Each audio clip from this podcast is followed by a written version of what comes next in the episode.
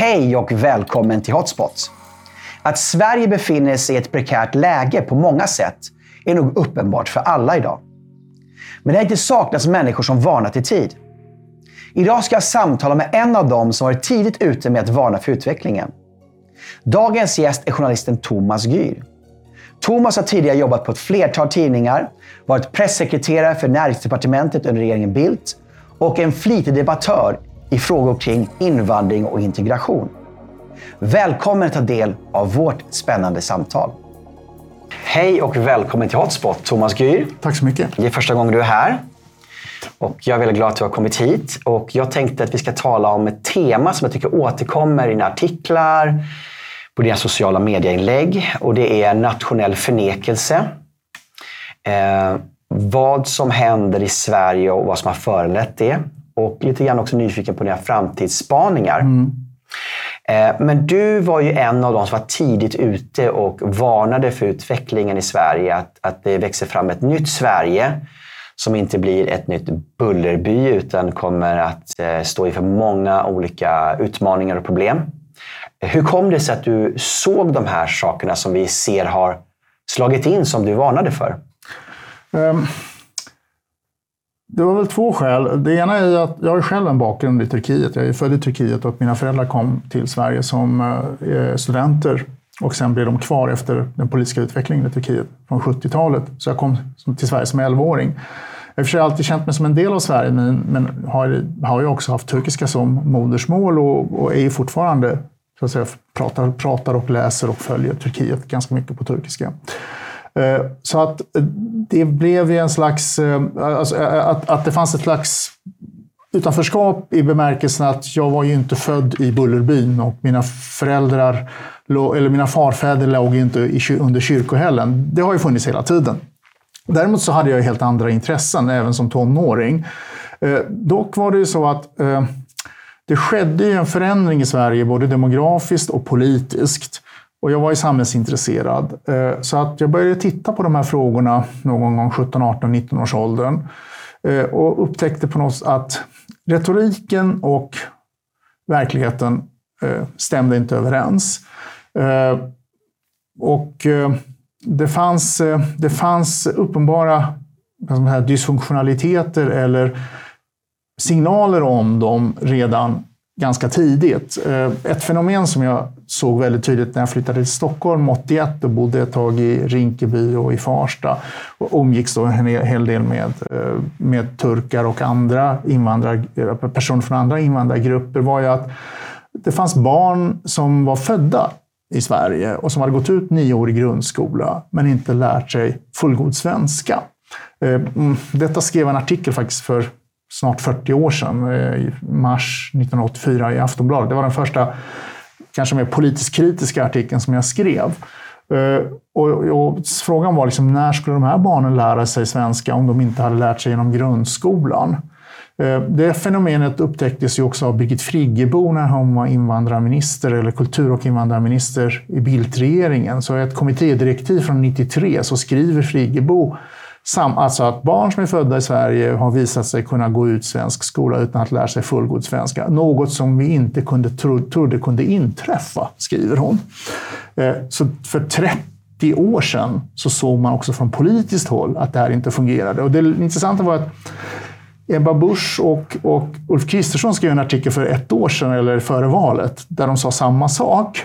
Så ingenting då har hänt på 40 år som har kunnat få bukt med eller eh, eliminera det här problemet som man kunde observera. Det har snarare blivit värre? Ja, naturligtvis. Mm. Eh, det har ju blivit mycket, mycket värre. Eh, eh, och, och, varför har det då blivit så? var en fråga som jag ställde mig. Hur kommer det sig att det hur kommer det sig att man inte gör någonting åt det? var en annan fråga om man nu har insikten. Går det att göra någonting åt det? Så det var, det var som med sådana frågor. Och egentligen hade jag ingen lust att syssla med det som då hette invandrarpolitik och invandringspolitik.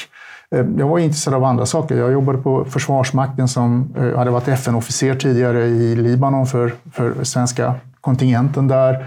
Jag var pressekreterare eller presschef hos eh, Bengt Gustafsson, dåvarande överbefälhavaren. Jag var mer intresserad av den typen av frågor. Eh, men så slumpade det sig då att eh, Hans Zetterberg, eh, professor i sociologi och grundaren av SIFO, han ledde ett projekt om den svenska socialstaten. Och jag kritiserade det projektets uppläggning i en lunch med Hans Zetterberg om att den tog, den hade ingen, det fanns ju ingenting om invandringen till Sverige, som ju var en ganska stor demografisk förändring redan då. Det här var i mitt, början av 90-talet. Så han återkom och sa att jo, men du har ju alldeles rätt, vi har faktiskt missat det och skulle du, kan inte du skriva en bok om det i projektet? Och jag sa, men jag vill inte skriva boken, jag bara på, ja, men vi har ingen annan som kan göra det. Och då bestämde jag mig för att titta på det här med ett systematiskt sätt. Så det blev då en bok på 400 sidor som heter Staten och nykomlingarna, som, som, som då kom ut för 30 år sedan. Sen har jag då fortsatt av rent intresse. Jag har aldrig försörjt mig på det här. Eh, mm, mm, jag har gjort andra saker rent eh, liksom professionellt. Men det har varit ett intresse som har fortsatt och, och, och på den vägen är det. Mm. Och när du då påtalar det här redan tidigt på 80-talet, 84 som du nämnde då. Eh, hur togs det emot på den tiden? För det här har ju varit en väldigt känslig fråga de sista årtiondena. Var det lika känsligt då? Nej, det vill jag inte säga. Jag kan säga att det togs emot på tre sätt. Det ena var en slags eh, ointresse, därför att det var ett marginellt fenomen. Jo, visst fanns det barn i Sverige som inte hade lärt sig svenska när de gick ut grundskolan, men, men det var ju inte så många. Eh, och ja, jo, visst fanns det, visst hade till exempel eh, utlandsföddas sysselsättning som alltid i Sverige fram till mitten av 70-talet legat högre. Alltså utlandsfödda i Sverige har haft högre sysselsättningsgrad än infödda och befolkningssnitt. Från 70-talets mitt så gick den under och sen har den aldrig gått upp. Så idag anser vi att det är ett fenomen som är, är naturligt att invandrare inte jobbar i samma utsträckning. Det är precis tvärtom. I invandrarländer riktiga, så att säga, där, där immigranter kommer för att arbeta och skapa sig en bättre framtid, så har de högre sysselsättning än snittet. Och det, det finns en förklaringar till det. Mm. Men, men det var inte så många mm. ändå, så att säga. Deras sysselsättning sjönk, barnen lärde sig inte svenska. Då var det, så här, ja, det, det, var den ena reaktionen. Den andra reaktionen var en slags repressiv tolerans. Mm. Därför att det hade ju uppstått ett, ett omhän, en omhändertagande industri Eh, faktum är att en av kapitlen i den här boken som jag nämnde att jag skrev, den första boken, den hette Invandraromhändertagande industrin. Lång, medvetet. Därför att det hade uppstått en hel bransch som försörjde sig. Alltså det fanns föreningsaktiva eh, invandrarföreningar som huvudsakligen fick då offentligt stöd för sin verksamhet. Invandrarkuratorer, invandrarpsykologer, invandrarredaktioner på Sveriges Radio, och Sveriges Television, eh, invandrar experter och så vidare. Eh, flyktingförläggningar. Flyktingförläggningar, eh, Invandrarverket, invandrarsekreterare, socialsekreterare som hade invandrare som huvudsaklig. Jag blev bjuden på en del konferenser som någon slags mm, Ja, här har vi en avvikande röst. Det kan vara roligt att höra på honom också. Så var den andra reaktionen ungefär att det var väl intressant, men liksom de institutionella eh, verksamheterna fortsatte liksom med sin egen logik. Och sen fanns det en annan, tredje intressant reaktion som var mer intressant och det var att när jag då i början av 90-talet började skriva i de här frågorna så blev jag kontaktad av ett gäng äldre, då i mitt tycke, de var yngre än vad jag är nu, eh, moderata riksdagsledamöter. Eh, Gullan Lindblad som gick bort nyligen, eh, Margit Genser, Sten Svensson, Gustaf von Essen, Björn von der Esch och så vidare. De kunde inte så mycket om invandrarfrågor, men de var bekymrade eh, efter att ha sett själva en del och läst det jag hade skrivit. För de var en slags politiker i den, jag kallar dem för politikern andra generationen. Alltså om man tar ärva, eh, förlåt mig. Eh, förvärva. Förvärva, ärva, fördärva. Mm. De var ärva-generationen. Mm. Så de tyckte liksom att det är inte bra att folk inte kan svenska när de går ut skolan. Det är väl inte bra att det, invandrarnas sysselsättning är lägre än svenskarna så att det har börjat uppstå ett bidragsberoende. För det, var ju det, det är ju det som är så att säga, resultatet. Eh, så de ville lyssna och prata lite, men de fick inte något större gehör inom sitt eget parti heller. För det var ju på väg, de var ju en generation som var på väg ut. På väg in var en yngre generation av fördärva som, som tyckte att men de där, liksom, de pratar ju om saker och ting som de inte begriper. Eh, vad är det för fel på fri invandring? Vad är det för fel på att eh, det kommer in nya kulturer? Eh, titta, är så många positiva fördelar. Titta så många som jobbar i vården. Titta på alla nya maträtter och så vidare. Så det var en politisk trend på den här tiden av, av just det här liberala samhället där, där ju mer frihet det ges, ju, ju mer kommer ekonomin växa och så vidare. På 90-talet, början av 2000-talet. Ja, det fanns en slags koalition mellan en socialdemokratisk idé om att ha fått en ny grupp eh, där, där, där så att säga, välfärdspolitiken kunde utvidgas i en ny sfär. Eh, tidigare fanns liksom arbetarklassen som då fick sina rättigheter. Sen skulle hemmafruarna ut i sysselsättningen och så var det. Och sen, och sen kom det då nu en grupp invandrare, nya svenskar. De skulle, man kan kanske att de ska koopteras eller liksom linkas in i välfärdsstatens apparatur. De fick starta föreningar med statligt stöd. Det dök upp experter som kunde hantera dem och så vidare. Samtidigt på den borgerliga sidan så fanns det en slags oförståelse för eh, eh, att det faktum att varor flyttar över gränsen, att man har frihandel, är inte samma sak som att människor flyttar över gränserna. I ekonomiska termer kan de vara ekvivalenta. Det spelar inte så stor roll om det kommer någon och tillverkar någonting, någon har tillverkat något och säljer den till dig. Men om det kommer om det sker en demografisk förändring så att det kommer människor från helt andra miljöer och bosätter sig, så kan de antingen bli invandrare, de kan så att säga assimileras in eller integreras in i majoritetssamhället. Men om de kommer väldigt många så kan de plötsligt bli nybyggare. Alltså kolonisatörer. Det vill säga människor som kommer med egna institutioner, egna värderingar, egna seder, egna traditioner som de vill skall ändra samhället.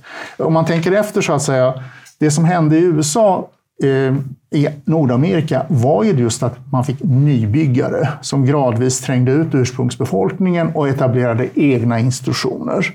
Sen kom då invandrare därefter in i de av nybyggarna skapade institutionerna. Och vi pratar rätt mycket om invandringen till USA, men i grunden var det från början en eh, nybyggar ett nybyggarsamhälle, de var ju faktiskt kolonier till och med, mm. om man tänker ursprungligen. Sen kom då, så att säga, i den andra vågen, nya invandrare, svenskar, judar från Östeuropa, italienare, och som då hoppade in i det som då kolonisatörerna hade skapat som egna samhällen. Och det är oftast den invandringen vi tittar på.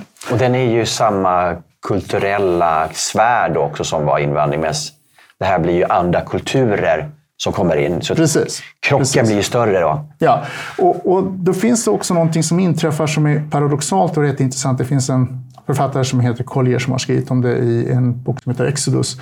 Den så kallade diaspora-paradoxen. Och det är att när du får stora grupper av immigranter som kommer så uppstår ju då förskingringen, i förskingringen diasporer.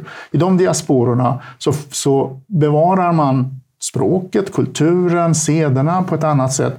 Och de fungerar rätt bra som tryckkammare in i majoritetssamhället. Men ju mer eh, den kulturella eh, ju mer kulturen mellan majoritetssamhället och de, de nykomna, ju, ju, ju starkare den eller ju längre det avståndet är, desto större tid tar det ju, så att, säga, att assimileras och gå in i detta. Desto större blir diasporan. Och ju större diasporan blir, desto mer fungerar den som en magnet för andra att komma dit.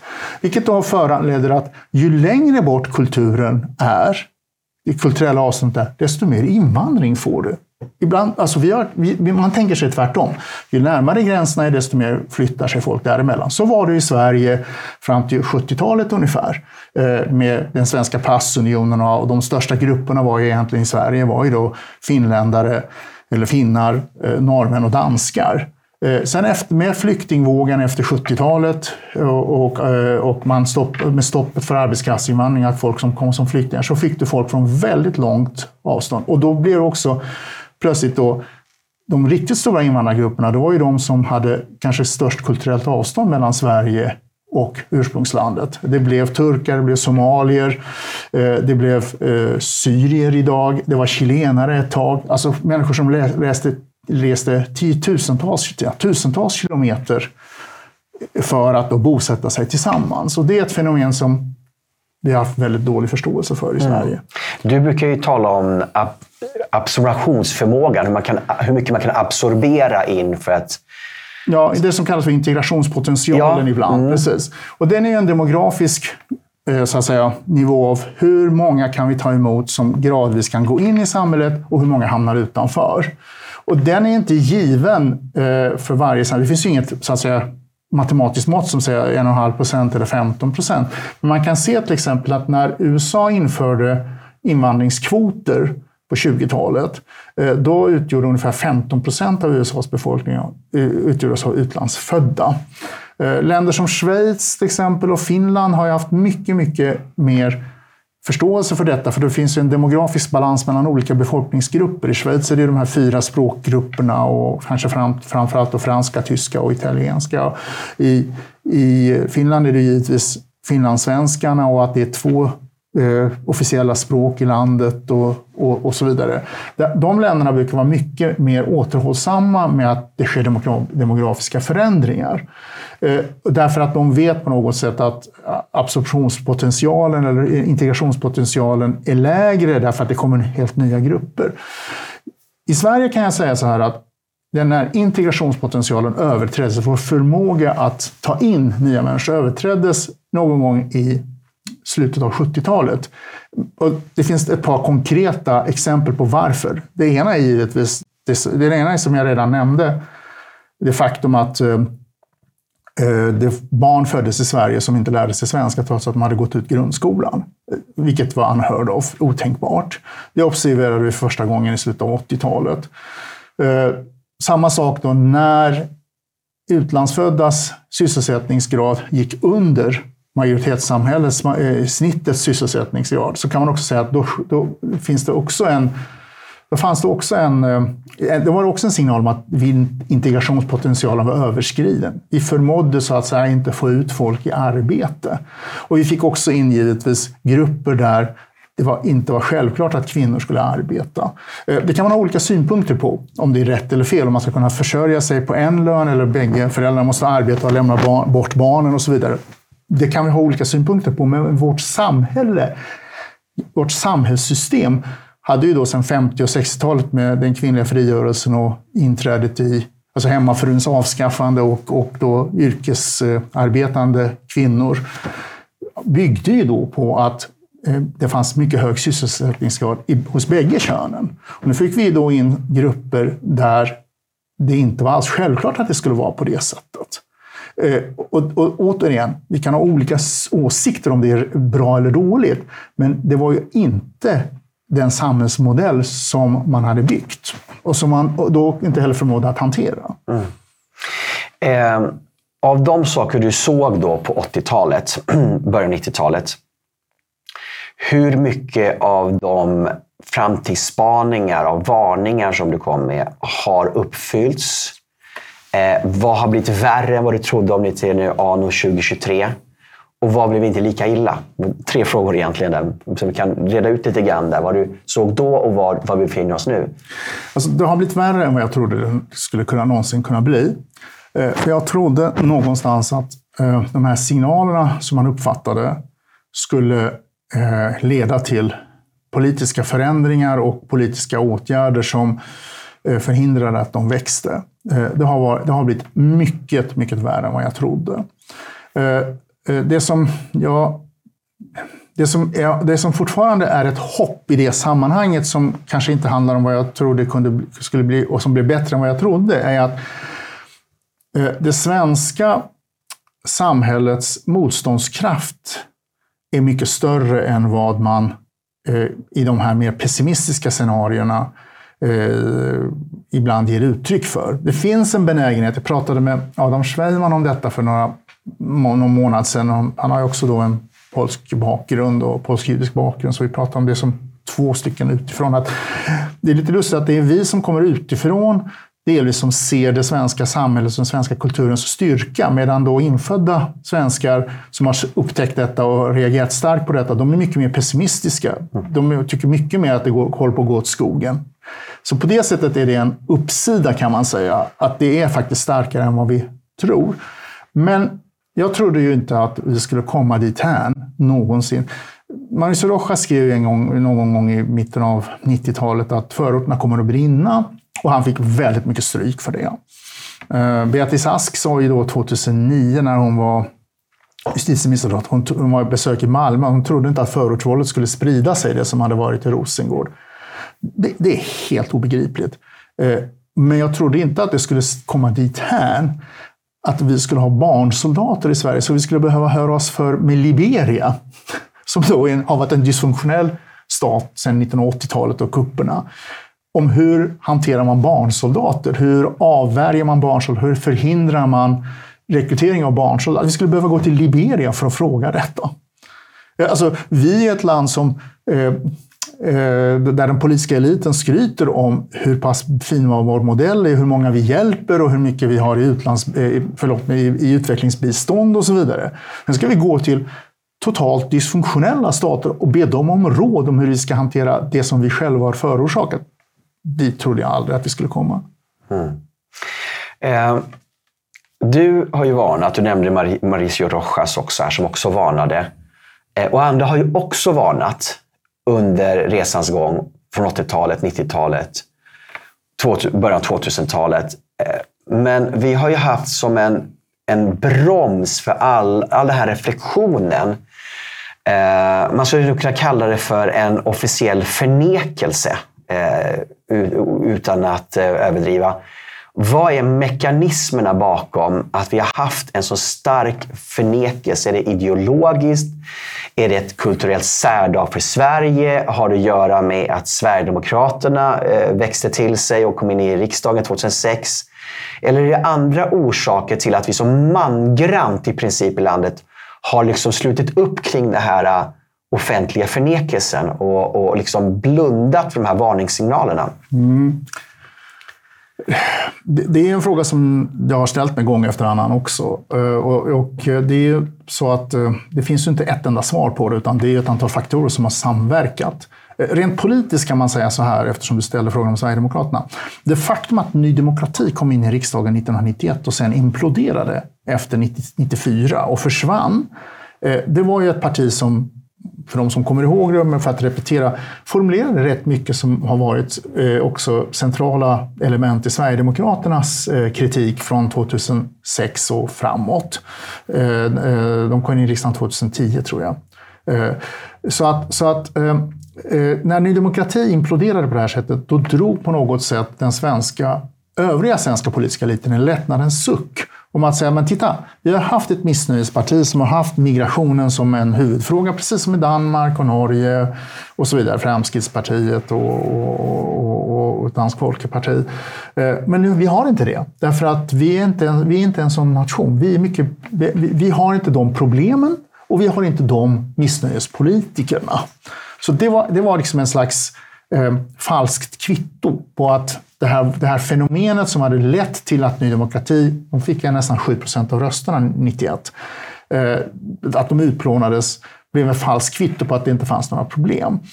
Eh, det andra är givetvis den att man har inte velat att det ska finnas problem därför att eh, den svenska, stora delar av den svenska politiska eliten, huvudsakligen till vänster men delar också av den liberala eliten, har haft en slags romantisk uppfattning om migration eh, och om, eh, och om eh, folk från tredje världen. I den, i den mer högerdelen, kanske i den liberala delen, har man sett migration som ett huvudsakligen ett individuellt karriärsteg. Det vill säga människor vill individen får, vill få det bättre och flyttar på sig och det har individen rätt till. Det man inte förstår där oftast är att migration inte är ett individuellt fenomen, utan det är ju ett kollektivt fenomen. Kamratrekrytering. Det är ingen slump att av, av de 1,2 miljoner svenskar som utvandrade så gick huvuddelen till USA och bosatte sig exakt samma platser som, som det, tillsammans med de grannar som de hade bott tillsammans med. Mm. Minnesota-trakten. Minnesota-trakten mm. eller Chicago då för, för, för faktiskt huvuddelen av, av dem som eller, eh, eh, och fanns i samma branscher till och med. En tredjedel av byggjobbarna i Chicago på 1880-90-talet var svenskar. Så, så att, så att man har inte förstått att det, det är en både individuell och kollektiv handling. På den vänstra sidan har man haft en romantisk uppfattning om att kulturskillnader egentligen bara är hittepå. Och att människor är som människor mest. Alltså vi har ett par ut, eh, och, det här, fall, eh, och, och, att, och att det inte är något stort problem att vi får, eh, om man tittar på eh, den här World Value Survey om olika värderingar där, svensk, där Sverige är en väldigt extremt individualistiskt, extremt sekulär, sekularistiskt land. Och så får man då människor som är starkt kollektiva, klansamhällen, starkt religiösa, där religionen eh, också i en tolkning har en väldigt stark påverkan av hur man är i vardagen och så vidare. Att det, det, var egentligen inget problem, därför att folk var ju ändå som människor är som människor mest. Sen tillkommer det här också givetvis att... Får jag bara avbryta ja. det? Var det här också från vänstersidan en, en sorts eh, svallvågorna av antikolonialismen, att, att vi, vi, vi engagerar oss i tredje världen. Så det fanns ju liksom en en, en romantisering kring folk från, från tredje världen. Och nu kommer det här dessa bröder och systrar som vi har kämpat tillsammans med för att bli av med kolonialismen. Oh ja, oh ja. Det, fanns ett, det fanns ett starkt antikolonialt så att säga, drag i detta. Eh, och man såg också, eh, man såg också så att säga, det som var följden av kanske avkoloniseringskrigen och vi hade till exempel de portugisiska kolonierna eh, Mosambik, Angola och, och Guinea-Bissau. Eh, vi hade kuppen i Chile på 70-talet med då vänstern. Vi hade, vi hade liksom kuppen i Grekland 67 med, mm, där överstejuntan fördrev vänstern. Så att man uppfattade dem också som så att säga, bröder i, anda, i andan om, om man får använda ett sådant uttryck. sen, men där, sen tillkommer också en slags vad ska man kalla för eh, oförståelse för kulturskillnader eftersom man har vuxit upp i ett land som har varit kulturellt mycket homogent. Det finns två svenska uttryck som knappt går att översätta till något annat språk. Det ena är han är som folk mest. Och det andra är vad som folk. Alltså översätter det till engelska, svenska, eh, franska, turkiska, tyska blir helt, kanske inte tyska, men blir helt obegripligt. Därför att vi har ju en uppfattning om hur folk är. Mm. Därför att de är ju som alla andra. Därför att minoriteterna i den mån de har funnits i Sverige, alltså judar, romer, zigenare, eh, tornedalingar, eh, har ju varit antingen mycket små eller i periferin. Svedjefinnar med någonstans då, liksom, eh, ja, samer i högst upp.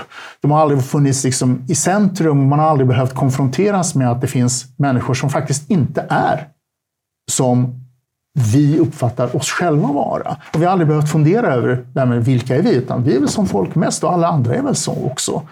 Så det har också varit en sån här nackdel i att förstå detta. Och sen slutligen tror jag att det allvarligaste har ju varit att när politiken blev riktigt dysfunktionell och man inte ville ta itu med den, eh, så blev Sverigedemokraternas tillväxt en slags varning, eh, eh, en slags omöjlighet. Man kunde inte ha samma åsikter som dem. De skulle kunna säga, Sverigedemokraterna skulle kunna ha sagt att, att, att, att Sverige, Stockholm är Sveriges huvudstad. Och då har stora delar av den svenska eliten antingen förnekat det eftersom det var SD som sa det, eller så har de börjat gå tillbaka till kartboken och säga, stämmer det här verkligen? Eh, och det har ju då eh, jag brukar säga så här att Sverigedemokraterna blir inte framgångsrika därför att de ursprungligen var ett rasistiskt parti. För det var de. Det är inte tu tal om det. Eh, det var, jag brukar påpeka, det var faktiskt Centern också fram till 1946. Hade ett rasistiskt partiprogram ända fram till 1946. Eh, så att det faktum att Sverigedemokraterna var... Det var inte för att det var Sverigedemokraterna var rasister som folk röstade på dem, utan trots att de hade den bakgrunden så kanaliserade de ett folkligt missnöje som de övriga partierna inte brydde sig om. Eh, och, och, och sen har ju då SD själva behövt göra sig av med den barlasten i, viss, i, i, stor utsträckning. Men det finns fortfarande reminiscenser av den, vilket ju brukar dyka upp. Eh, och dessutom har de inte heller behövt kanske politikutveckla på samma sätt som, som, skulle, som de borde ha gjort och hade, hade behövt, därför att de har haft en så otrolig medvind. Så man blir liksom lite lat då när det går så bra, så att man behöver inte fundera på vad gör vi härnäst? Och nu är de i det läget att de måste göra det eftersom de är en del av regeringsunderlaget, det parlamentariska regeringsunderlaget. Mm, just det. Eh, jag vet inte om det är relevant, men jag tänker på Sverige ibland eh, utifrån den här Kubler-Ross-modellen om sorgens olika faser. eh, när du förlorar någonting så har du först förnekelse och sen har du ilska och sen har du sorg tror jag. Och sen är det liksom omorientering, eller ah, acceptans. Och sen, alltså man brukar prata om FIFDA, tror jag det är. Ja. Förin, förnekelse, ja. förnekelse, ilska, eh, förhandling, förhandling, depression, ja. sorg och sen acceptans. Just det. Och där kommer acceptans kommer omorienteringen. Ja, precis. Förhoppningsvis. Ja. Ja, vad kallar det? Kubler, Kubler-Ross, ja. Precis, ja. Just det. För jag har lärt mig det här med FIFTA, att man ska mm. tänka så. Mm. Liksom. Eh, din fråga var... Ja, jag tänker så här, går, går, det, går det att implementera på Sverige någonstans? Att vi, vi ligger eh, eh, någonstans i de här olika faserna. Vi har haft... Vi har, eh, saker och ting händer och som förändrar Sverige och då slår förnekelsen till först och sen en del slår ilskan till, om liksom i steg två. Eh, skulle, man kunna, skulle man kunna tillämpa den modellen och någonstans kanske sen kommer en acceptans och omorientering längre fram? Ja, alltså, mm, det är en spännande tanke. Man får kanske säga så här innan man får eh, psykolog och psykiaterskrået på sig. Mm. Att, att, det är för individer. Mm. Så det är väldigt viktigt att vi gör den distinktionen. Att det är en modell vad jag förstår för individuell, så att säga, en individuell process. Eh, huruvida samhällen är som individer eller ej, det är, jag är mycket emot det. Alltså, mm. Man kan inte säga typ att uh, väljarkåren har ont i tån eller väljarkåren har hjärtflimmer. Och En individ kan ju ha det. Mm. Eller väljarkåren är deprimerad. Apropå depression. Men eh, frånsett det, så om man skulle applicera den här idén eh, så tror jag att man skulle kunna säga så här att eh, eh snittmässigt mm. är vi nog någonstans i acceptansnivån när det gäller det politiska manifestationen. Alltså vi har ändå en, eh, och, och vi har haft, haft faktiskt, redan under den socialdemokratiska regeringen, Löfven och Andersson, från 2015 och framåt, så börjar vi normativt säga att vi klarar inte fler att ta emot fler. Eh, fast vi gjorde ju det ändå. Vi började normativt säga att så här får det inte vara. Vi började också, mm, alltså Morgan Johansson brukar ju skryta om de straffskärpningar som företogs under hans tid. Huruvida de är en sann återgivning eller ej, eller om, om de han verka eller inte, det må ha hänt, men det började ju redan där. Med den nya regeringen så tror jag att vi har en större acceptans av att vi måste gå vidare. Eh, det betyder inte att det inte finns de som fortfarande lever i förnekelse. Eh, för det finns det ju, det finns ju både stora eh, ledande opinionsbildare och kanske delar av väljarkåren som faktiskt röstar på partier som förnekar att fenomenet existerar. Så det är, det är givetvis en, så att säga, vad man kallar för en, en, en, spridning ut med hela den här femgradiga skalan för, för alla.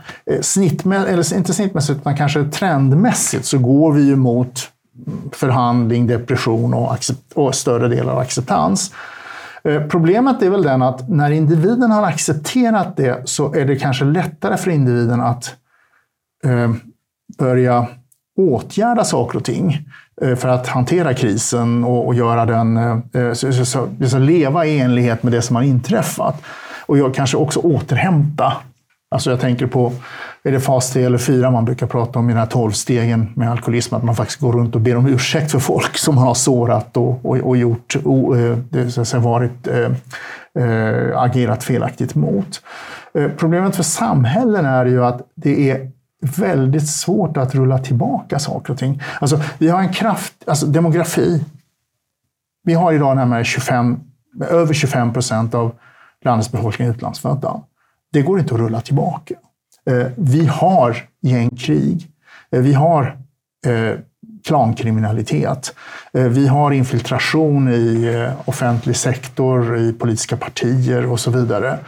Eh, det, alltså att rulla tillbaka det kommer att ta förmodligen dessvärre längre tid än själva fallet på att vi fick de här fenomenen. Så att acceptans, det måste finnas ett sjätte steg i det där. Då. Bortom acceptans så måste det också finnas återupprättande. Mm. Och man kan tala om omorientering, att man börjar agera på ett nytt sätt. Jag vet inte om det är just den modellen. Ja, just det. Men så kan det ju vara. Ja. Men, men det är inte säkert att ett, för ett samhälle att det hjälper att man börjar agera på ett annat och nytt sätt. Mm. Om man tar så att säga... det är nya förutsättningar. Det går inte att... Uh... Ja, man måste agera på andra sätt än tidigare ja. för med de nya förutsättningarna. Alltså om man tar Sveriges historia från mm, tidigt 18, sent 1890-tal och framåt så ser vi att det sker en stark upplysnings och ska man säga, pockande, både från civilsamhället men även för småningom från statsmaktens sida, att förändra befolkningens vanor. Eh, man talar om, makarna Myrdal talar om att man ska avskaffa finrummen och att man ska... Ellen Key pratar om att man ska vända på baksidan av tapeterna så att man får ljusa tapeter och inte mörka tapeter. Eh, man ska lära folk att äta tomater, borsta tänderna, avlusning, IOGT-NTO. Eh, alltså de talar om civilsamhället, frikyrkorörelsen, om nykterhetsrörelsen. Det sker så att säga en, en kulturell, eh, vad ska man kalla för, ett kulturellt förbättringsarbete från 1880-90-talet fram till 1920-30-talet. På en, en relativt etnisk homogen befolkning, men där man måste, där först civilsamhället men sedan då statsmakten liksom projicerar värderingar och ser till att detta förändras. Hur gör man det i ett samhälle som ser ut som Sverige idag? Hur får man till exempel kvinnor ut i arbetslivet i större utsträckning? Hur hindrar man i större utsträckning kusinäktenskap? Hur, alltså, regeringen vill ju förbjuda kusinäktenskap, men det finns ju till och med idag politiska ledande politiska krafter som förnekar att kusinäktenskap ens skulle vara ett problem. Mm. Alltså, hur tar vi oss dithän att vi kan prata om detta som, som ett, ett problem som vi måste försöka åtgärda om stora del, vissa delar av ledande politiker säger att men det, är inte ens ett, det är inte ens ett problem. Vad pratar ni om? Mm. Mona Sahlin gick ut nyligen och sa att hon hade förnekat hedersvåldets existens och det, och det ångrade hon djupt. Hur återtar man den förlusten som det ledde till att en ledande politiker som Mona Sahlin till och med gav utredningsuppdrag åt en professor, Masoud Kamali, som menade att prata om hedersmord var rasism, eller hedersvåld var rasism. När du är inne på det här nu då med Mona Sahlin då, som insåg att hon eh, kommit till insikt att hon gjort fel. eh, vi har levt mycket i förnekelse och en del börjar ju då ropa på att man ska hålla de här människorna ansvariga. Går det, bör man hålla människor ansvariga så att med och förnekat och även möjliggjort den här utvecklingen utan att man hemfaller till pöbelmentalitet eller eftersom vi också lever i en demokrati där folk har valt sina egna ledare. Eh, så det egentligen så faller det tillbaka på folket. Eller kan man säga att saker och ting som påverkar människor filtreras ju via media. Att media har ju också projicerat vissa frågor och eh, ehm, drivit det man kallar för agendasättande eh, journalistiken. Eh, vad, vad, tänker du kring ansvarsfrågan? Bör vi eh, kanske liksom se tillbaka och titta på och se att eh, ja, de här människorna var med och påverkade, som vi talar om Reinfeldt eller Göran Persson la ner försvaret i, i princip? Mm. Ja, alltså det där är ju väldigt eh, viktigt. Eh, vi har eh, i Sverige haft en enda gång så kallat damnatio memoria-fenomen. Där man, så att säga, det var Gustav IV Adolf Eh, Eh, vars eh, städer döptes om och eh, namnskyltar filades bort och sådär. Man ska ungefär nästan som kinesiska eller ryska kommunistpartiet. som liksom retuscherade bort honom ur historien. Ett sådant samhälle vill vi ju inte ha. Utan vad vi vill ha kanske är ett, ett samhälle där ansvarsutkrävandet sker i politiska termer av att man faktiskt röstar och, och, och agerar för en annan politik. Eh, vi kan ju inte ställa någon till rätta eller så därför att de tog beslut som var i, eh, som, som, som de hade fått eh, mandat att göra i demokratisk ordning. Det vi kan fråga oss däremot är ju, ska politiker vad, vad, vad, finns det för politiskt ansvar i, i bemärkelsen vilket är det politiska ansvaret i eh, vilka medel man använder sig av? Man brukar liksom väldigt, ska jag kalla för eh, lite, lite, nästan lite småvulgärt pratar om att politikerna har bara två verktyg. Antingen är det batongen eller så är det penningpåsen. Alltså antingen slår vi dig i huvudet om du bryter mot lagen eller så mutar vi dig till att göra som vi vill. Du får, barn, eh, du får, du får barnbidrag för att vara hemma. Eh, du får, eh, och, och, eh, och, och, så säger vi liksom att men du får inget barnbidrag om inte, om inte ni delar på eh, barnförsäkringen. Bägge föräldrarna ska vara hemma lika mycket. Så vi har liksom sådana medel. Det, det är ett lite felaktigt sätt, eller ett lite förenklat sätt att beskriva politiken. För det finns ett tredje medel som man glömmer och det är ledarskapet. Det vill säga, vi väljer inte politiker vi, vi väljer politiker, de är våra valda ombud, av samma skäl som vi väljer försvarsadvokater eller ekonomiska rådgivare. Vi vill att de ska veta bättre än oss mm. och leda oss i, i rätt riktning. Där kan man då säga att där, där har inte politiken tagit sitt ansvar. Därför att antingen så har den då varit eh, Antingen så har de varit eh, av, av att leda, eh, eller så har de faktiskt lett helt fel. Och då måste man ju då fundera över hur ser, vilka lyssnar vi på och vilka, eh, vilka, vilka företrädare väljer vi?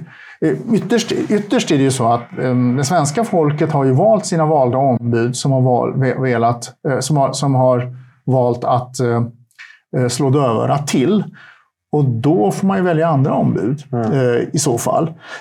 Det, det som är problemet här är ju då det som eh, man brukar kalla för, för eh, ledtider. Alltså, det vill säga, vi kan inte förändra saker och ting. Bara för att vi har kommit till insikt att de bör ske, så betyder inte att förändringen sker dagen efter, utan det, sker, det är en process.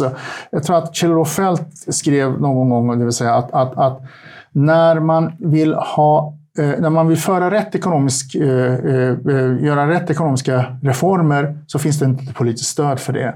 Men om det finns politiskt stöd för de ekonomiska reformerna så är det för sent. Mm. Och vi kan mycket väl hamna i det läget att det vi försöker göra nu och förändra, eh, att, att medan gräset gror så dör kon. Mm. Eh, hur kan man då kräva ansvar? Eh, man får ju kanske som väljare också fundera över vad det är för... Eh, alltså, det är svårt att klaga om man har valt dem man har röstat på det sättet som man har gjort. Mm. Tyvärr. Men jag tänker så här. Journalisterna lyfter ju fram vissa frågor. Man slår på vissa spikar konstant. Alltså det är ju en påverkan också från de stora mediehusen och public service. Där har man ju promotat vissa narrativ. I allra högsta grad. Ja. Jag är däremot inte eh, så... Eh, jag är däremot inte så... Eh, ska man säga att, jag skulle hävda att, att det har varit en huvudfaktor. Mm. Eh, därför att om det hade varit en huvudfaktor och med tanke på hur vi vet att den svenska, svenska journalistkårens politiska sympatier är och hur vinklad ofta rapporteringen har varit i de här frågorna så hade ju, folks, eh, så hade ju människor röstat på ett helt andra sätt. Då hade Miljöpartiet haft 40 procent av rösterna. Mm. Och det har de uppenbarligen inte. Det, det, det, är alltså, det är en faktor man måste räkna med. Men det är också så att det en, eh, man får inte överdriva betydelsen av den faktorn. Samtidigt som också så att, att det senaste tidens både mediala och tekniska utveckling har ju visat att det går att överbrygga det filtret. Eh, alltså inte minst det som vi gör nu eh, eh, med, med, att producera ljud och bild på det här sättet, som, som, som, som alltså utanför den mediala huvudfåran. Eh, Sverigedemokraterna gjorde ju det här på ett väldigt medvetet sätt, lite grann som eh, inspirerad av den amerikanska modellen av The Right Nation, med right utan V då, alltså med R i Right Nation. Man skapade helt egna mediekanaler eftersom man inte fick eh, tillgång till medierna i huvudfåran. Och det var till och med så att när medierna i huvudfåran fulade ut dem eller så, så fick de större stöd. Därför att man visste, deras väljarkår och deras sympatisörer visste att de aldrig fick en rättvis behandling där. Eh, när Olle Stenholm på sin tid visade att Bert Karlsson för Ny Demokrati inte ens kunde sitt eget partiprogram mm. och, och, och, och, nästan så att säga, tryckte ner honom i skorna så var det Bert Karlsson som fick sympatierna. Mm. alltså det är inte därmed givet. Jag, jag är lite så här återhållsam mot den här att det är mediernas feldel. Eh, då får man läsa rätt medier då. Mm. Och det gör ju människor i större mm. utsträckning. Man söker information numera på andra sätt. Mm. Det är därför också nyproduktion på nätet och allt vad man kallar för alternativ media växer så mycket för att man vill hitta andra vinklar och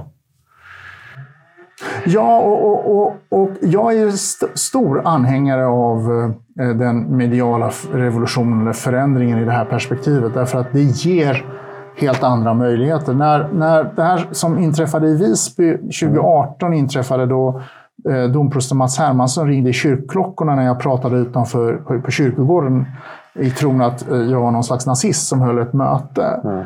Eh, så var jag oerhört tacksam. Utöver det att jag var nästan untouchable i bemärkelsen, det fanns ingenting att deplattformera mig ifrån. Det fanns inga arbetsgivare att ringa till och säga att ni måste sparka honom och sådär. Så var det också så att jag och ett antal andra personer som var närvarande där, hade, eh, det vill säga journalister och skribenter, hade helt alternativa mediala kanaler med vilken vi kunde förklara vad som hände. Mm. Och, och den, det, det plattformeringsförsöket, eller det försöket att på något sätt eh, Eh, ha ett narrativ som eh, kanske som i Aftonbladets ledarsida och Aftonbladets kultursida, så som de beskrev det som hände, kunde då alltså, balanseras via helt andra kanaler. Den möjligheten hade ju inte människor eh, på 70 och 80-talet när eh, riks, om riksmedia bestämde sig för att de var någon slags riksbovar. Mm.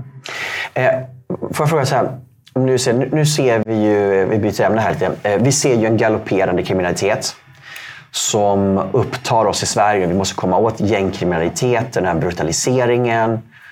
Eh, vi ser det på att det är bristande integration ligger bakom. Ehm, finns det något annat just nu som du ser som inte är på folks radar som kommer få konsekvenser längs vägen här medan vi då tar itu med, försöker ta itu med kriminaliteten som kommer skapa väldigt stora problem 10-20 år framåt som vi behöver uppmärksamma, som du vill göra oss uppmärksam på?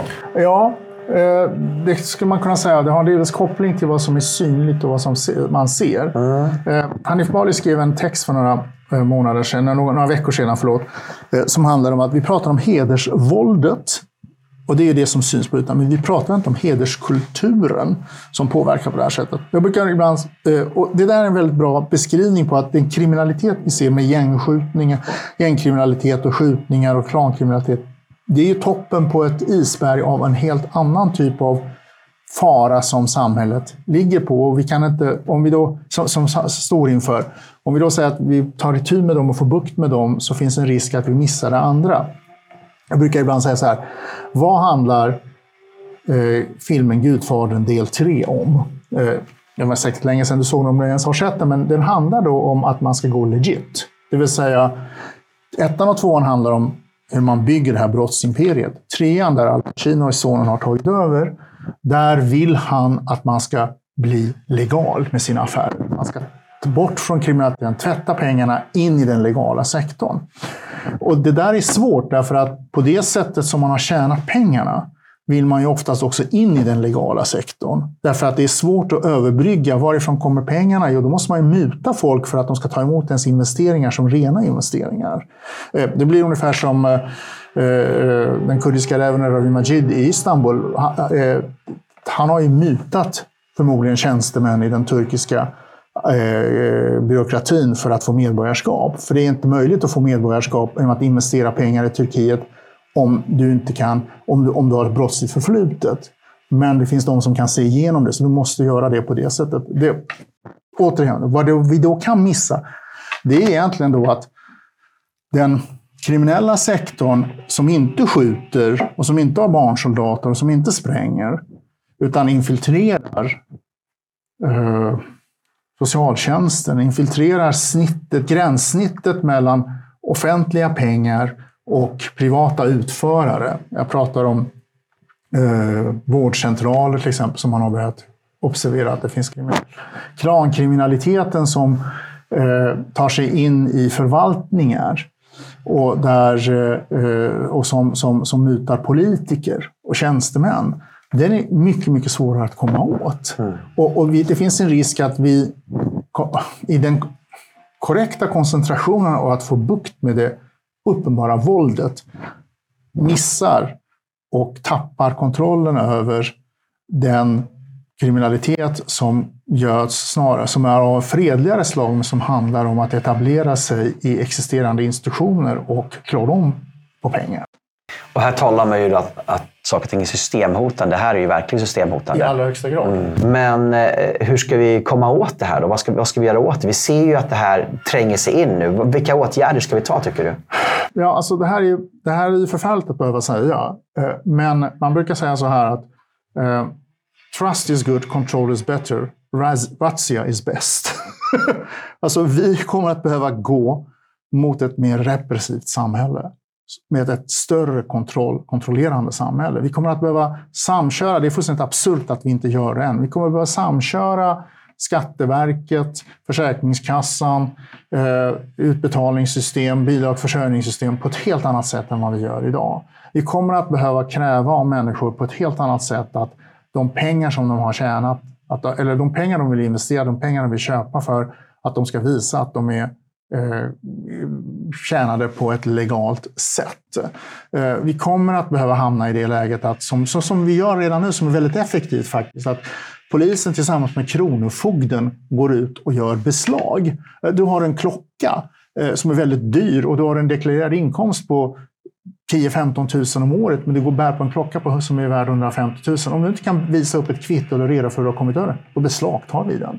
Så får du själv komma tillbaka och berätta. Alltså, vi kommer att, och då är ju risken att vi så att säga, går överstyr. Mm. Idag i El Salvador, eh, när man bekämpar gängkriminaliteten, så tar man in folk som har tatueringar. Mm. Så får man, så får man bevisa att de tatueringar man har inte är gängtatueringar. Jag skulle inte vilja ha ett sådant samhälle. Man är skyldig tills motsatsen är bevisad. Ja, precis. Mm. Och det här är ju rätt förfärligt. Mm. Eh, eh, men vi kommer att behöva agera på det sättet. Till exempel då att, att polisen nu har haft rätt att avlyssna utan även konkret brottsmisstanke. Men man kan frukta att det handlar om gängkriminalitet. Mm. Och då, då är vi, alltså, vi kommer att behöva göra detta. Och då måste vi göra det på ett sådant sätt så att vi påverkar de medborgerliga fri och rättigheterna så lite som möjligt.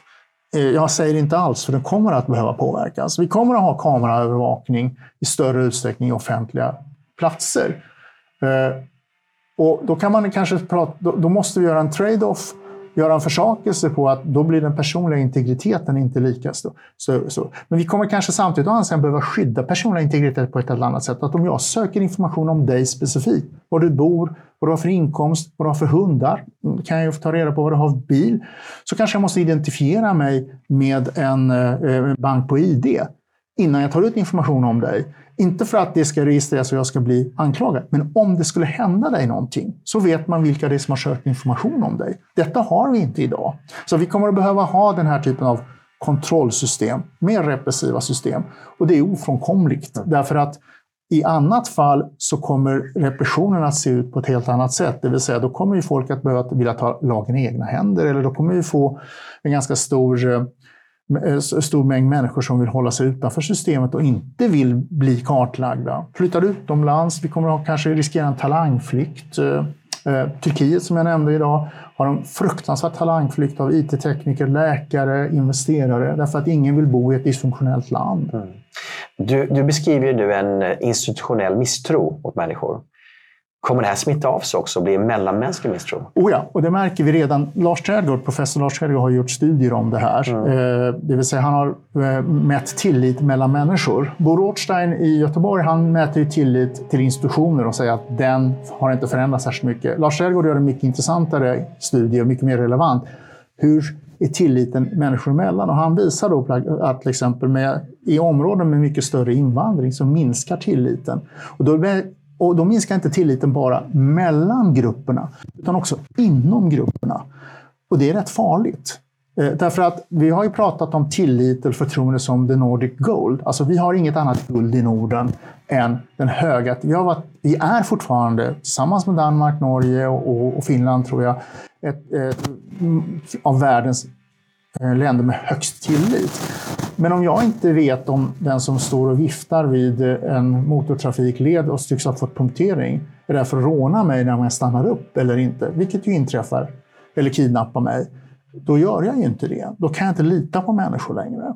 Och Det här är otroligt beklagligt. Och tillit, alltså Sverige har varit ett, inte alltid varit ett högtillitssamhälle, utan den här tilliten eh, har ju då gradvis upparbetats. Dessvärre är det så med tillit som man brukar säga, att den kommer till fots men rider iväg till häst.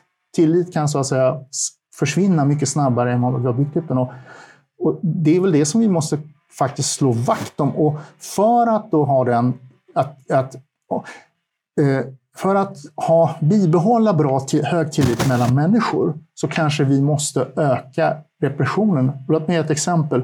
Om jag vet att unga män som är stökiga inte får vara stökiga kaxar sig mot polisen och gapar inte får göra det. Utan eh, blir tillsagda, blir bestraffade om de sätter sig upp mot, om de rånar folk, får omedelbart straff. Då, kanske, då byter jag kanske inte trottoar på gatan om jag ser ett ungdomsgäng komma till mig eh, som ser annorlunda ut än vad jag är. Därför att jag kan utgå från att de är, nog, de är inte kriminella ungdomar, för då vore de det så hade polisen redan tagit hand om dem.